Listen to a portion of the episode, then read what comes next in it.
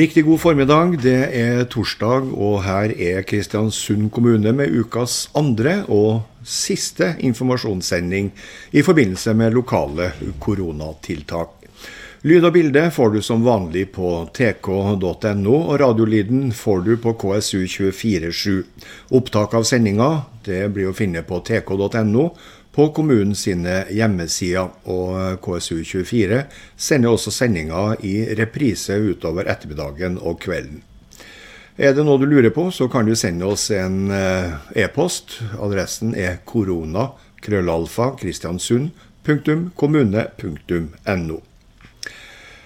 Neas melder at alt går eh, som normalt både på internettet og strømnettet, og det er heller ikke planlagt noe arbeid de nærmeste dagene som skal ha innvirkning på, eh, på strøm- eller internettforbindelsen.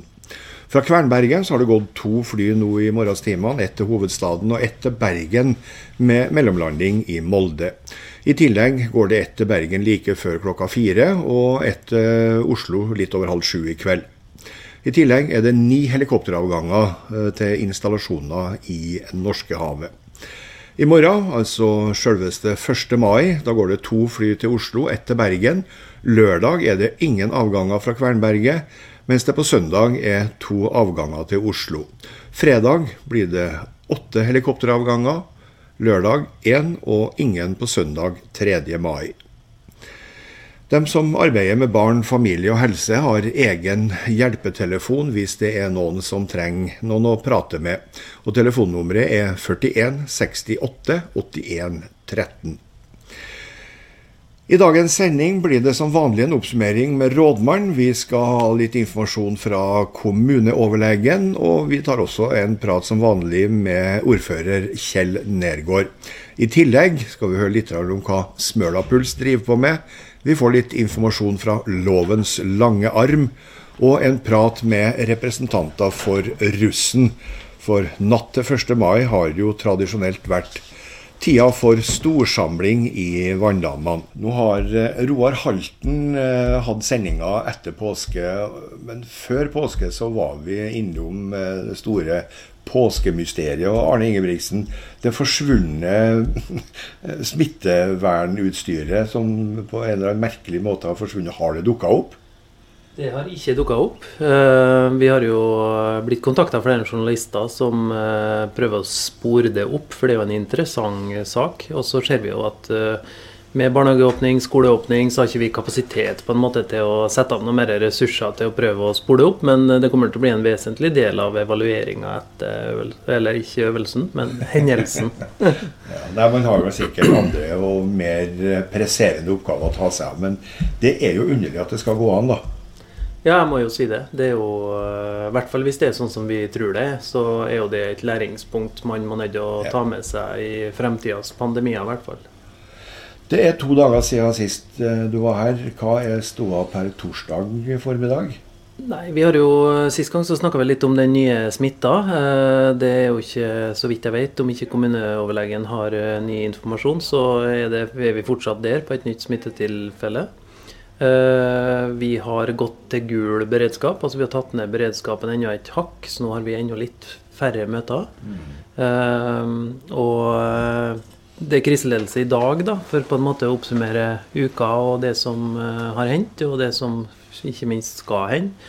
Uh, litt om 1. mai, uh, litt om arbeidssituasjonen i forhold til delte stillinger og smitte, kryssmitterisiko og sånn.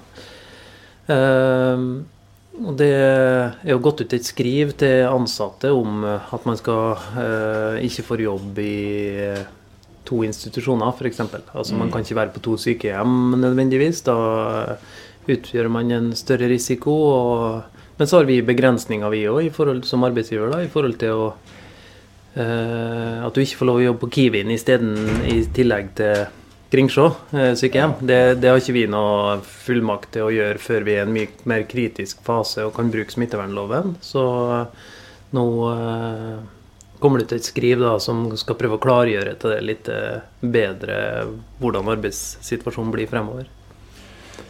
Natt til 1. mai har jo tradisjonelt vært eh, det voldsomme startskuddet på ei alvorlig russefeiring. Og det går rykter om at det, det er noen som har planlagt samling i Vanndammene eh, natt til 1. mai. Eh, har kommunen og beredskap eh, i forbindelse med det, eller noen oppfordring til russen?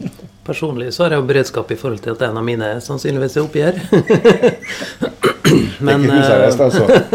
Nei, det er jo viktig at uh, russen uh, tar reglene på alvor. vi har jo hatt noen episoder oppi her som har utarta seg voldsomt, og det vil jeg ikke tro at det er i år. Det kommer til å være mer tilstedeværelse av voksne der nå enn det har vært tidligere. Vi hadde Røde Kors bl.a. var jo oppe i forrige kriseledelsesmøte og snakka om deres tilstedeværelse der. og ja, Vi håper det går bra. Nå har de jo møttes i Vanndammene stort sett hele uka. da. Eh, men det vil jo selvfølgelig natt til 1. mai så vil det nok være litt mer trøkk. Noen som har sagt at jeg har vært yngre enn de fleste. Jeg går ut fra at rådmannen også har hatt tilhold oppe i Vanndammene eh, for noen år siden. Ja, stemmer det. Uten å gå i detaljer. Nei, nemlig. Hvordan er erfaringene nå etter noen dager med åpen barnehage og skole? Det er litt uheldig at vi samtidig med åpninga har en smittesporing som vi ikke helt klarer å finne ut av.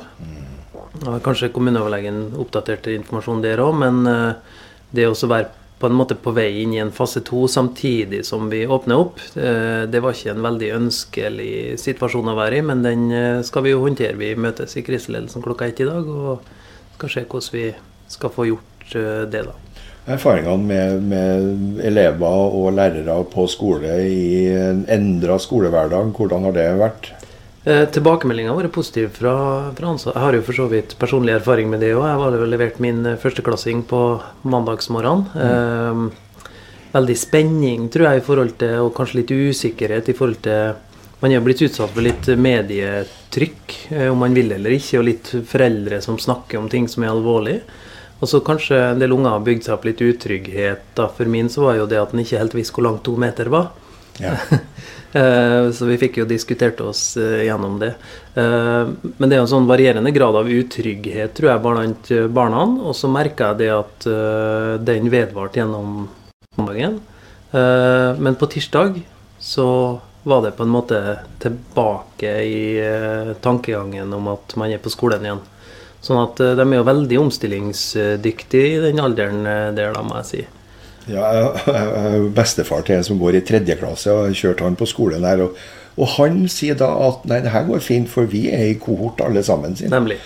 Og liksom Når du lærer deg latinske eh, militære begrep allerede i tredje klasse, har du kommet langt. De, de, er veldig mottakelige for lærdom, og jeg tror kanskje småunger er bedre egnet til å ta imot de rådene man får, enn de som da er våryre 18-19-åringer i, i, rød og sort dress. Enig i det, men de har jo vernedress på seg, dem da. Ja.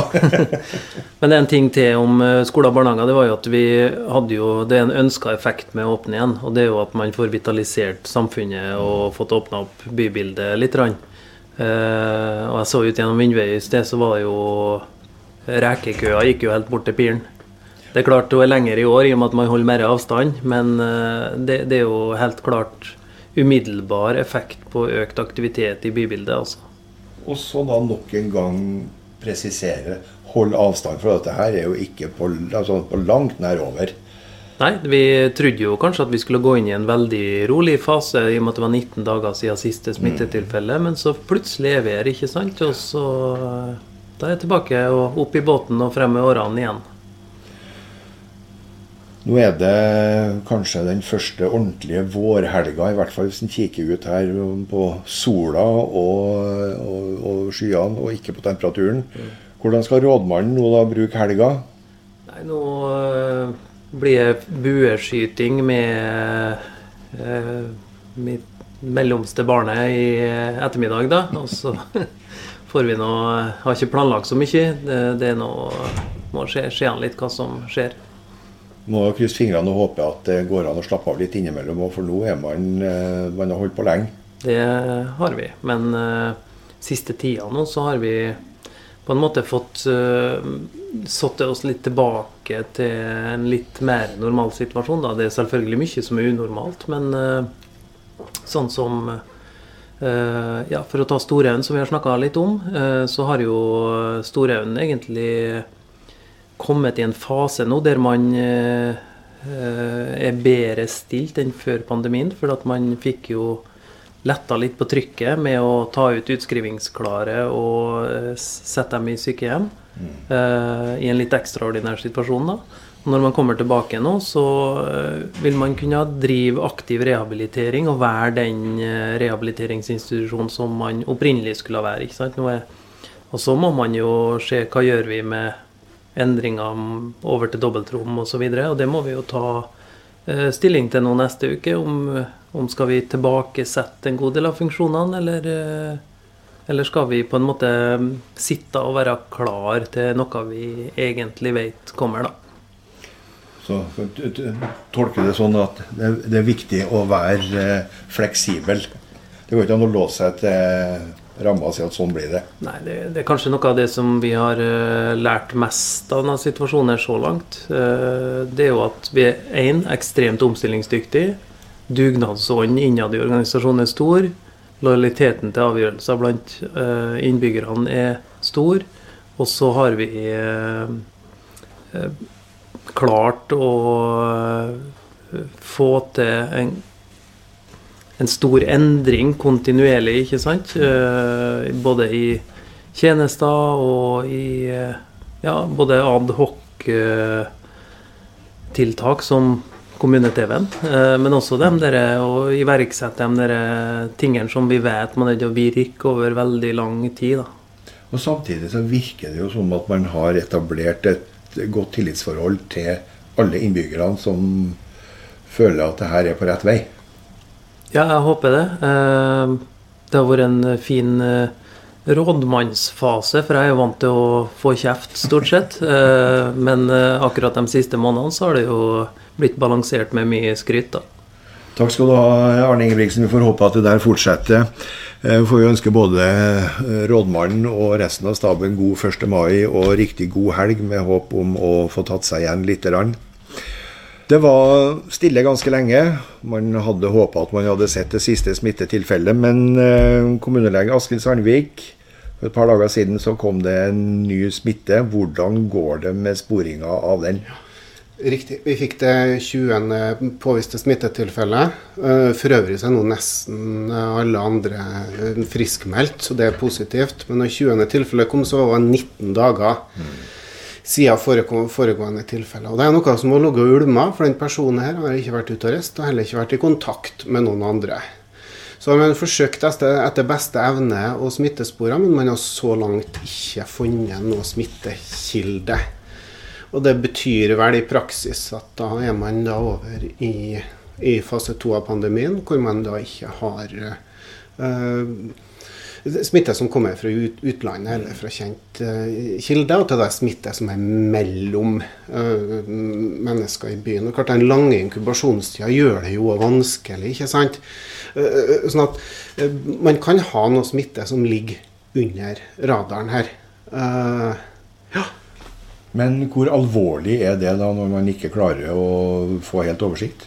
Nei, 100% oversikt og 100% kontroll vil vi ikke kunne få i en situasjon her nå når samfunnet møter opp.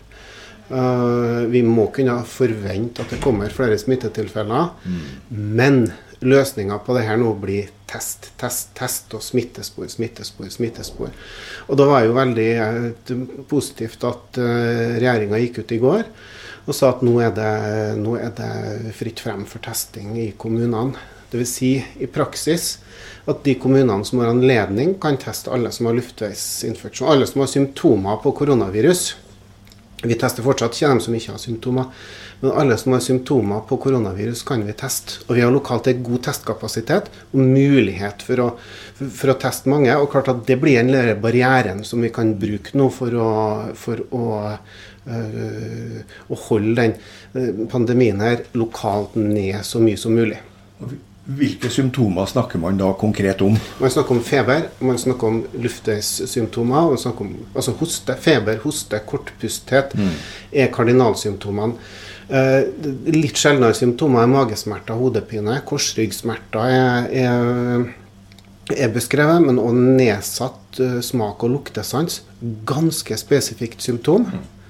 Uh, og så må jo selvfølgelig ta skilles fra allergi og sånne ting, da.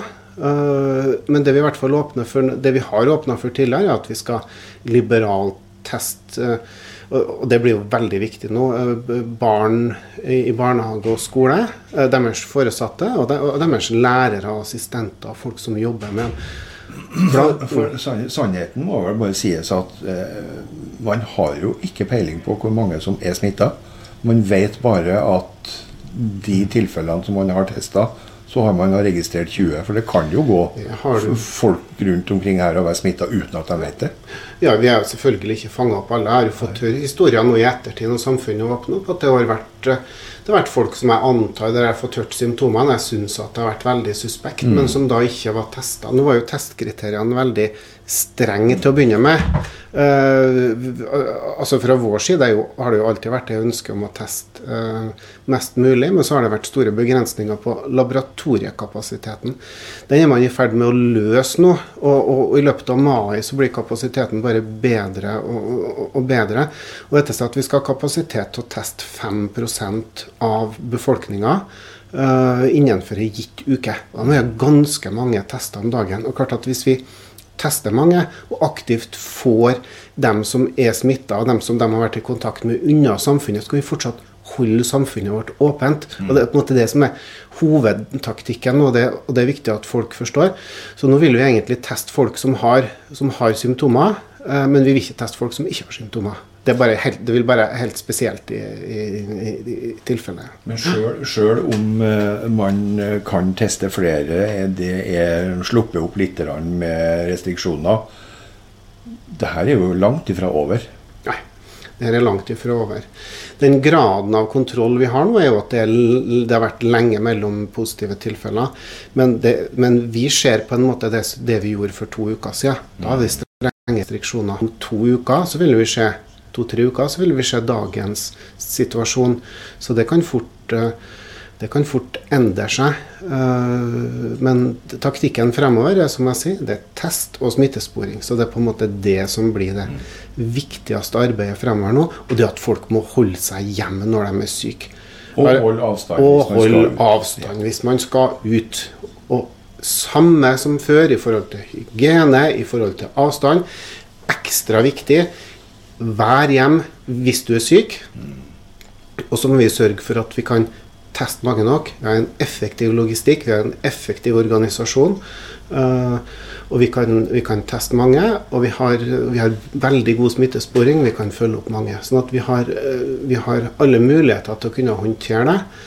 Men den graden av kontroll vi har nå, altså når dette kommer ut av kontroll, da begynner ambulansene å gå, og så kommer det plutselig folk som blir akutte syke, og akutte innleggelser. Fravær av innleggelser er på en måte en, en slags som, som, er relatert til, til, til koronavirus. Det, det, sier noe om at, at det ikke er utbredt smitte i befolkninga, men som du sier tidligere, en del smitte kan gå under radaren. Vi klarer aldri å plukke alt. Mm. Men eh, til noe helt annet. Det er siste dagen i april. I morgen er det 1. mai. Og natt til 1. mai, det har tradisjonen i Kristiansund vært eh, russesamling. Og det går rykter om eh, si, illegal samling i natt. Hva sier kommuneoverlegen til det? Det er svært beklagelig.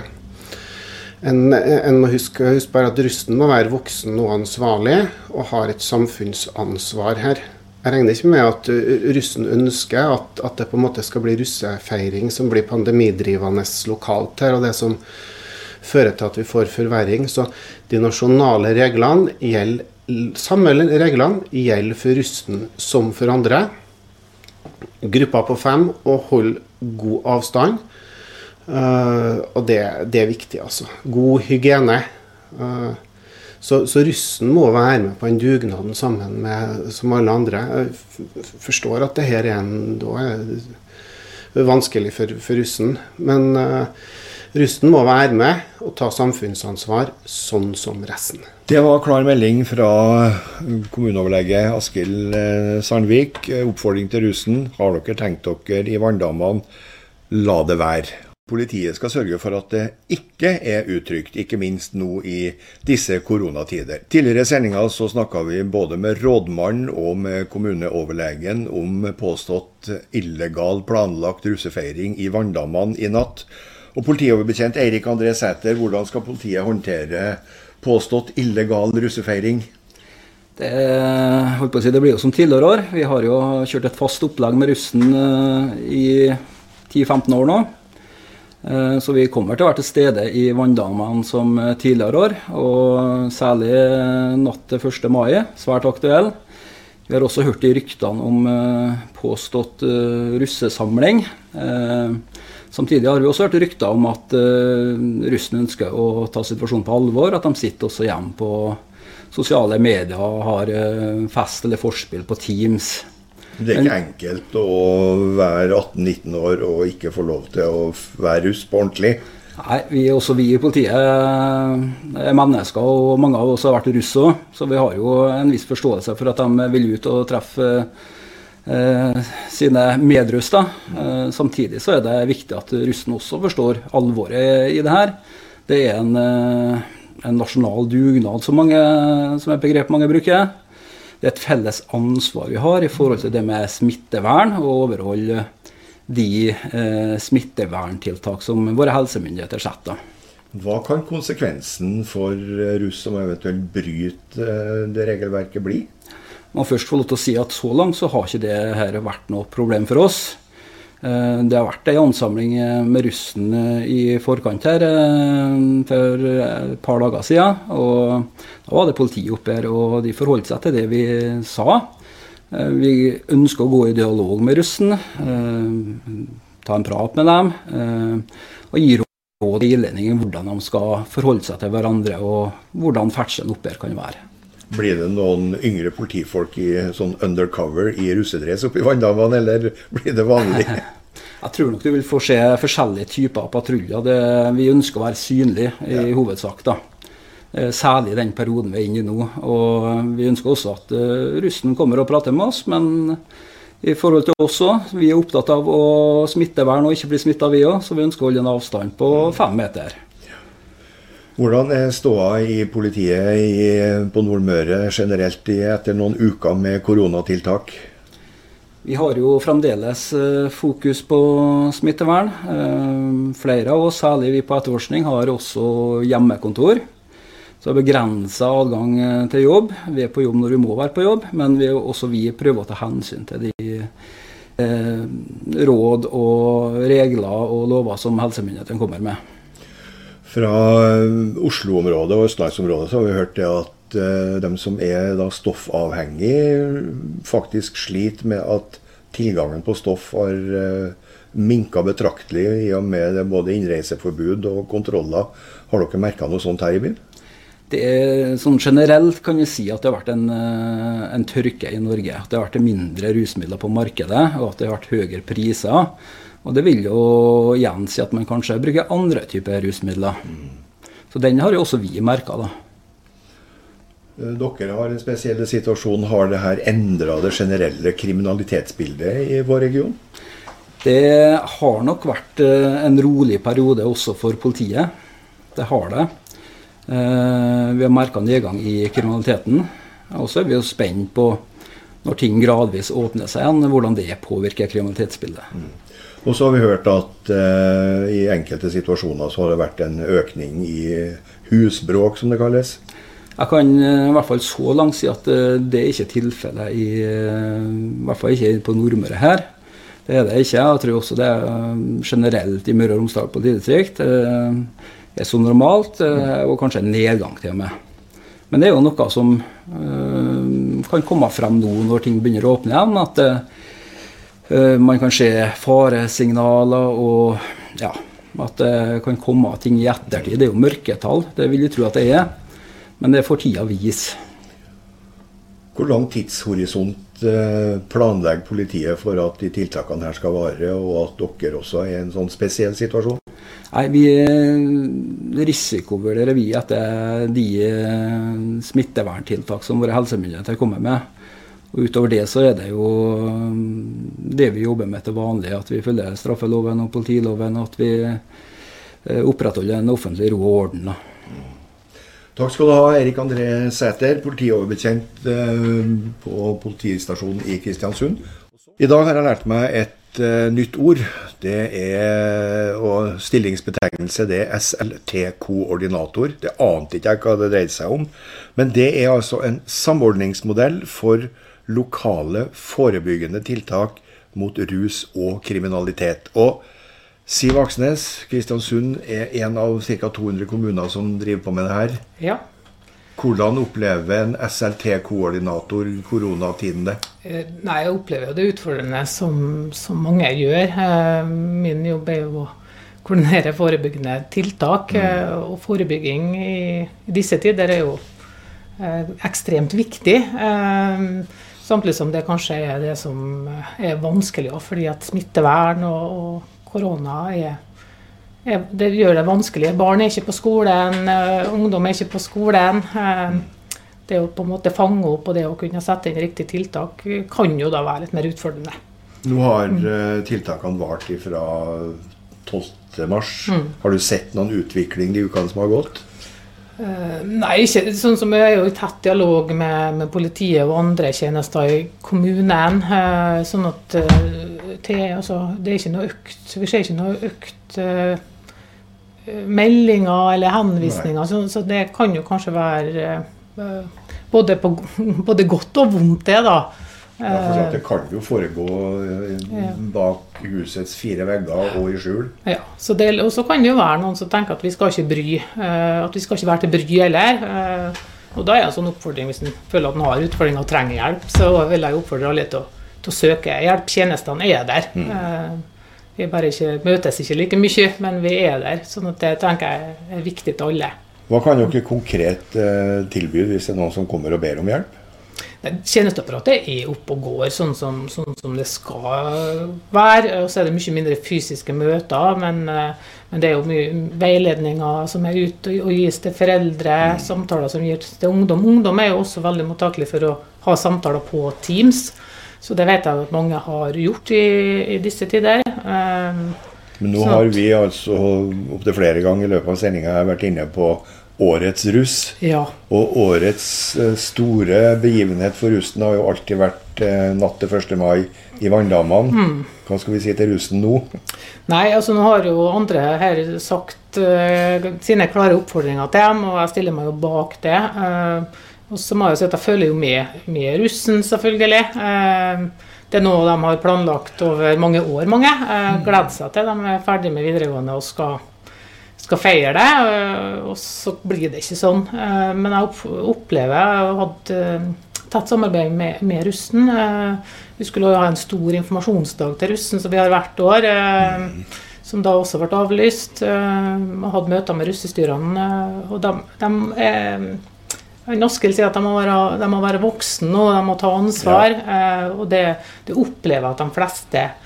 De er innstilt på det, eh, men samtidig så kan det bli vanskelig. Eh, og været gjør det jo ikke lettere det, eller da når det er sol og fint, så har de lyst ut og, og gjøre sitt. Men eh, det å forholde seg til smittevernreglene, det er at de holder de gruppene de er i. Hvis de har ordna seg grupper. Eh, det tror jeg blir, blir kjempeviktig. Eh, for vi må, vi må, ikke, vi må ikke få smitte inn dit, for da, da kan det Da kan det meste rakne?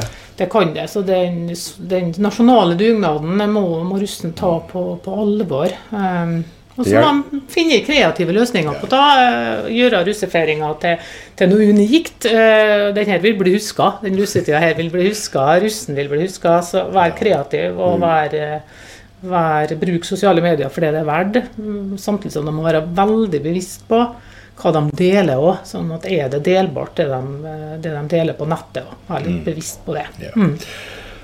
Det kommer til å bli huska for den russefeiringa der det ikke skjedde noe spesielt, kanskje? ja, eller at de da visste at de ja. fant veldig gode, kreative måter uten å utsette seg for, for smittefare. da. Vi skal senere i sendinga innom både Atlanten-rusen og rusen på KVS. Vi får høre litt om hva de to uh, unge damene som står i spissen for det her, har planlagt. Takk skal du ha, Siv Aksnes. Ja, bare Har du noe før, tillegg? ja, jeg må, må få si det at jeg, jeg tenker at russen er, det er ungdom, og de lever jo i nuet. Uh, og så har de noen foreldre. Eh, De fleste russ bor, bor hjemme ennå. Jeg tenker at det er viktig at foreldre nå er på banen her, og at de snakker med ungdommene sine, og at de følger dem litt opp nå.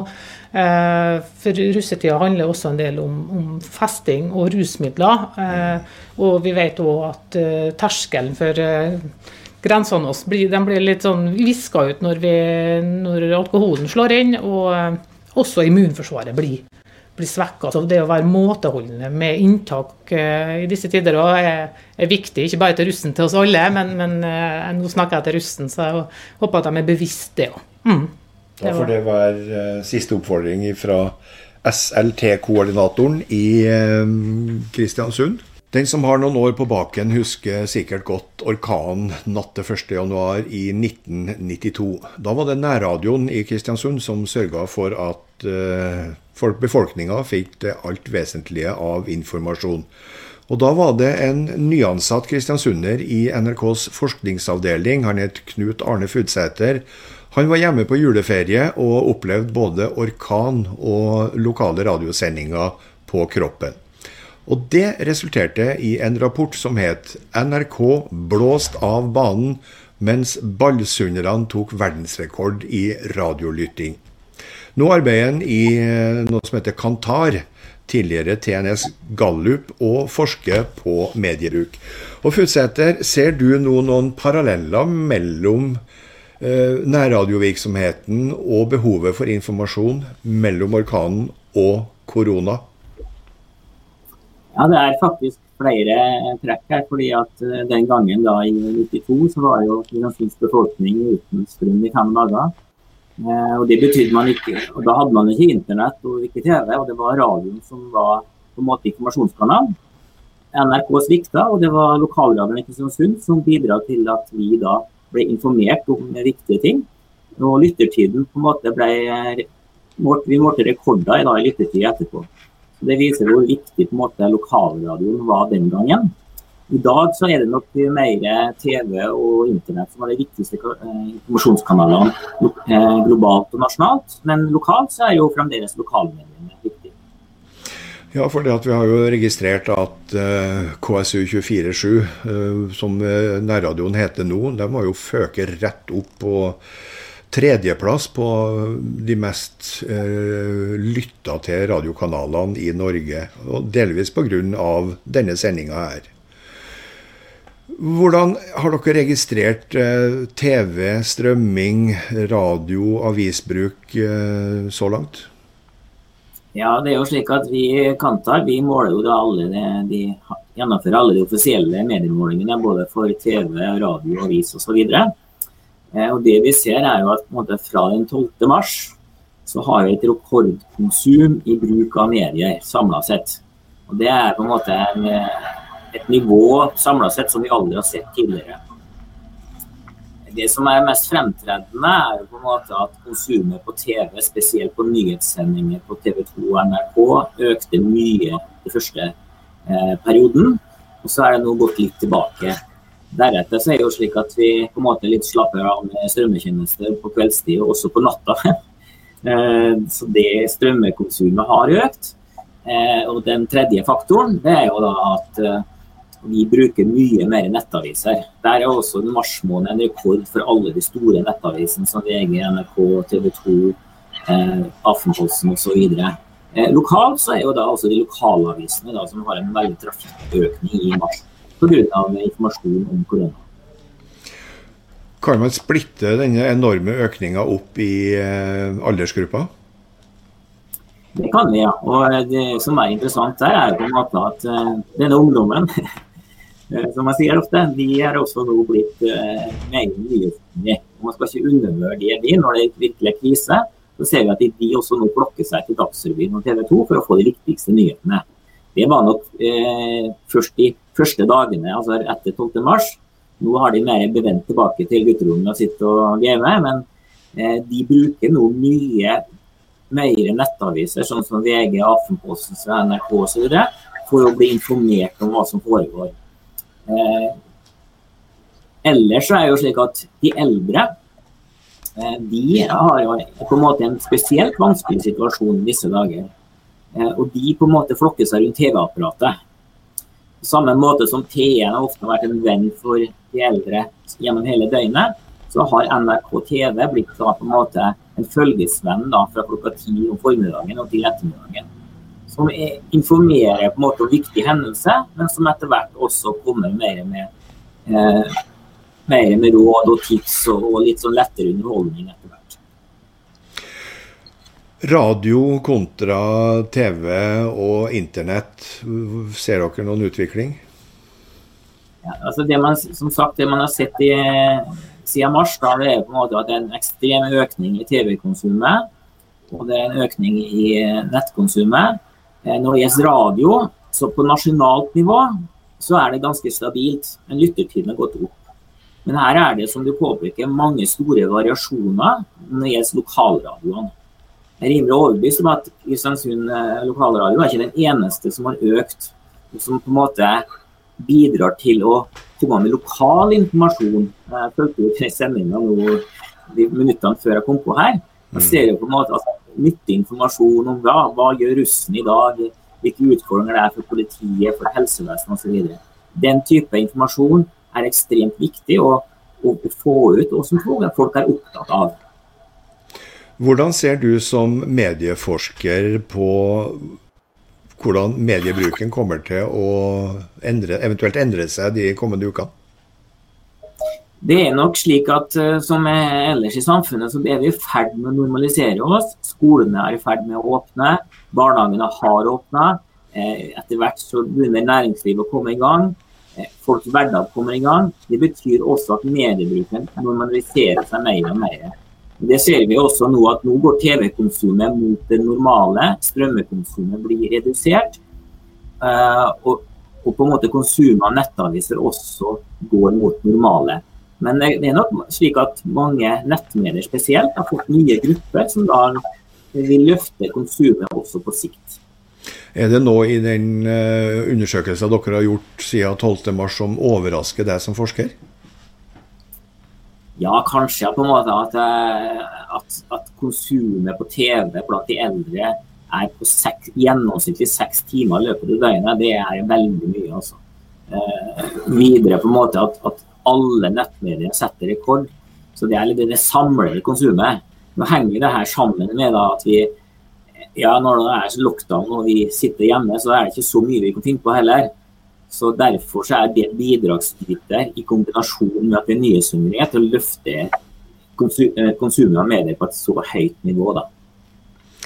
Tusen takk skal du ha, Knut Arne Futsæter, som da har uh, full oversikt over uh, det norske folks medievaner gjennom Kantar. Vi har hørt uh, både rådmann og kommuneoverlege og politi og SRT-koordinator komme med advarsler til russen. Frida Mek Pedersen, du går på Kristiansund videregående og er russ, kan alle se. Blir det, av, blir det noe av den, den berykta, eller hva man skal si, annonserte illegale russefeiringa i Verndammene i natt? Tja, det er noe vanskelig å si da, når, du, når du dealer med russen. da. Det, det, er jo ikke alle som vil høre etter. da. Eh, det er vel sikkert noen som kommer til å prøve seg, tenker jeg. Men som vi vet, så har flertallet bestemt seg for å ta det over Teams. Og ha russedåp med gruppene sine, f.eks. Og gjøre det på en trygg måte. Har du hørt eh, om det er noen kreative sjeler som har funnet på noe helt spesielt? Jeg har hørt rykter om at det er mm, veldig mange biler som okay. kommer til å kjøre gjennom eh, byen her i kveld. Og lager masse støy, tenker jeg holde seg i gruppa av fem og bare råne rundt på byen. Det blir altså sånn ekstra råning i bygatene. Jeg tror kanskje ikke de bare avslutter i kveld heller. Det blir antagelig litt i natt òg. Tror det blir ganske langt utover måneden. Ja. Med oss På eh, video så har vi Maria Klakegg, du er russepresident eh, på Atlanten. Hvilken russefeiring legger dere i russestyret opp til? Nei, Vi prøver å oppfordre da, til at vi tar russedåpen på nett, i hvert fall. Nå er det første. så vi har planlagt at alle klassene møtes på Teams for å bli døpt. Eh, vi prøver å oppfordre til at alle sammen holder med gruppa på fem. og Derfor har vi da innført en dåp da, i, i, kveld. Sånn at uh, man får være med på dåpen uten at man trenger da å møte opp i Vandamann, sånn som vi egentlig hadde ønska at det kunne blitt. da. Mm. Har du også hørt rykter om at det er noen som eh, har tenkt å bryte oppfordringa og likevel møte i Vandamann?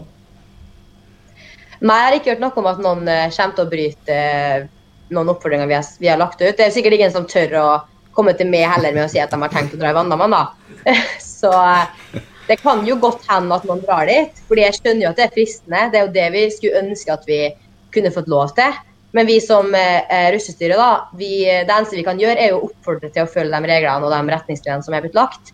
Og hvis noen bestemmer seg for å dra i vanndammene, så er det nesten Det er ikke noe vi kan gjøre med det, fordi det er russen. Og vi er jo kjent for å kanskje gjøre ting som ikke er helt lov. Og jeg vet jo at folk tar det på alvor, men jo nærmere vi kommer russetida, jo vanskeligere er det da for de fleste å følge de retningslinjene som er lagt. Men sånn som jeg, opp, eh, jeg oppfatter at kullet tar det her på alvor, da, og vi har jo prøvd å um, få til en dåp på netta, og håper jo at folk eh, holder til det. Russeknuter har jo alltid vært eh, et diskutert fenomen. Er det noen spesielle koronaknuter i forbindelse med årets feiring?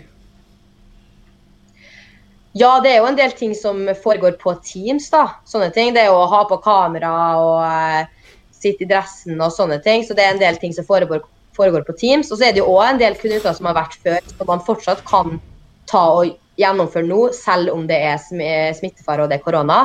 Fordi det er jo ikke alle knuter som eh, bidrar til økt smittespredning. da.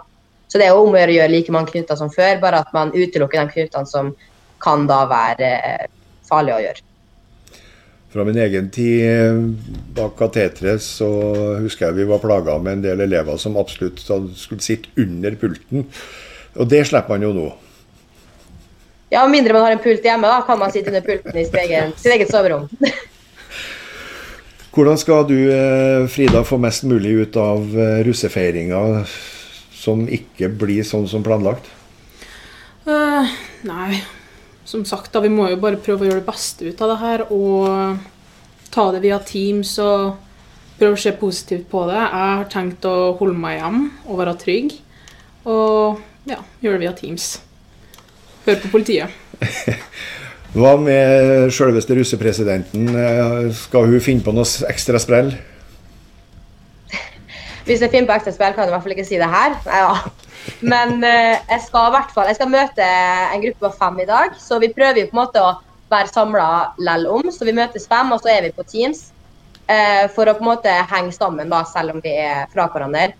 Men det jeg føler er viktig å tenke på akkurat nå, er egentlig de folka som kanskje ikke er gruppe. For det er jo veldig mange som har tenkt å møtes i kveld fem og fem for å være på Teams og være i dåpen. Men det er jo veldig mange som ikke har kanskje ei gruppe og sitter faktisk hjemme alene og er på Teams.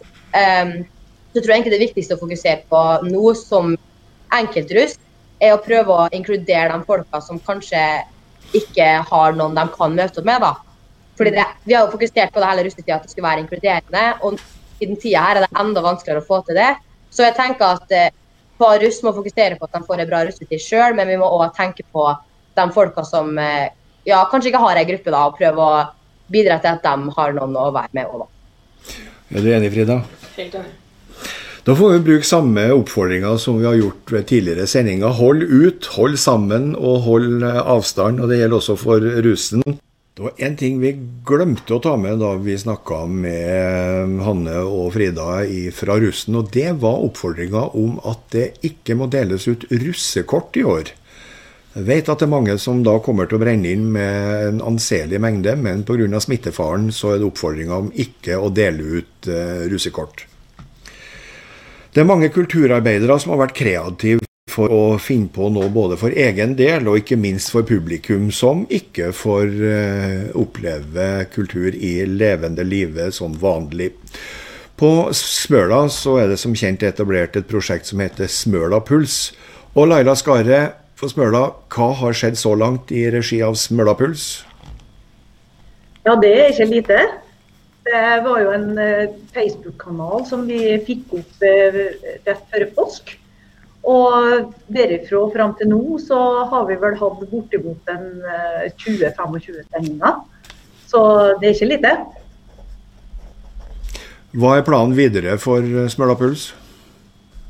Nei, Den har vi i hvert fall uh, klart for oss at vi ønsker å beholde. Den oppsto jo egentlig som et behov fordi at vi, vi driver på med den kulturelle spaserstokken.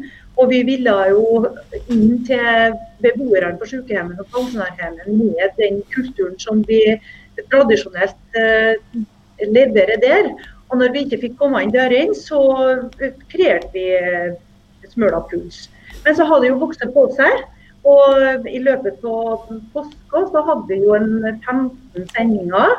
Og etterpå har vi også drevet på jevnt og trutt. Eh, og vi har store planer framover. Hvilke reaksjoner har dere fått på tiltaket? Det er udelt eh, positivt. Det er alle sammen som skryter av det tiltaket her. altså. Eh, vi, vi, var jo egentlig ganske heldige, vi da, fordi det er jo ikke bare å sette i gang med noe sånt i en liten kommune heller. Men eh, når det er så gærent, så det er aldri så gærent at det ikke kommer noe godt ut av det. Og Smølahallen vår har daglig leder eh, som da ble ledig når Smølahallen var stengt. Men han har jo også en unik kompetanse som gjør at det, var mulig å sette i gang med Smøla puls. Og det snudde oss rundt og fikk det ganske kvikt, ja. Så vi er, vi er stolte av det der, og vi får veldig mye positive bakmeldinger. Ikke minst det her med at uh, folk ønsker å bruke den kanalen til også å komme ut med både kultur og informasjon. og ja, Jeg har litt lyst til å fortelle litt om hva vi har sendt da. Eh, ja, for vi har jo hatt, ja, vi har hatt eh, konserter. Vi har hatt galleriutstilling. Vi har hatt påskelabyrint. Vi, har, vi har hatt korpsbasar. korpset kunne jo ikke ha basaren sin, så vi arrangerte den digitalt.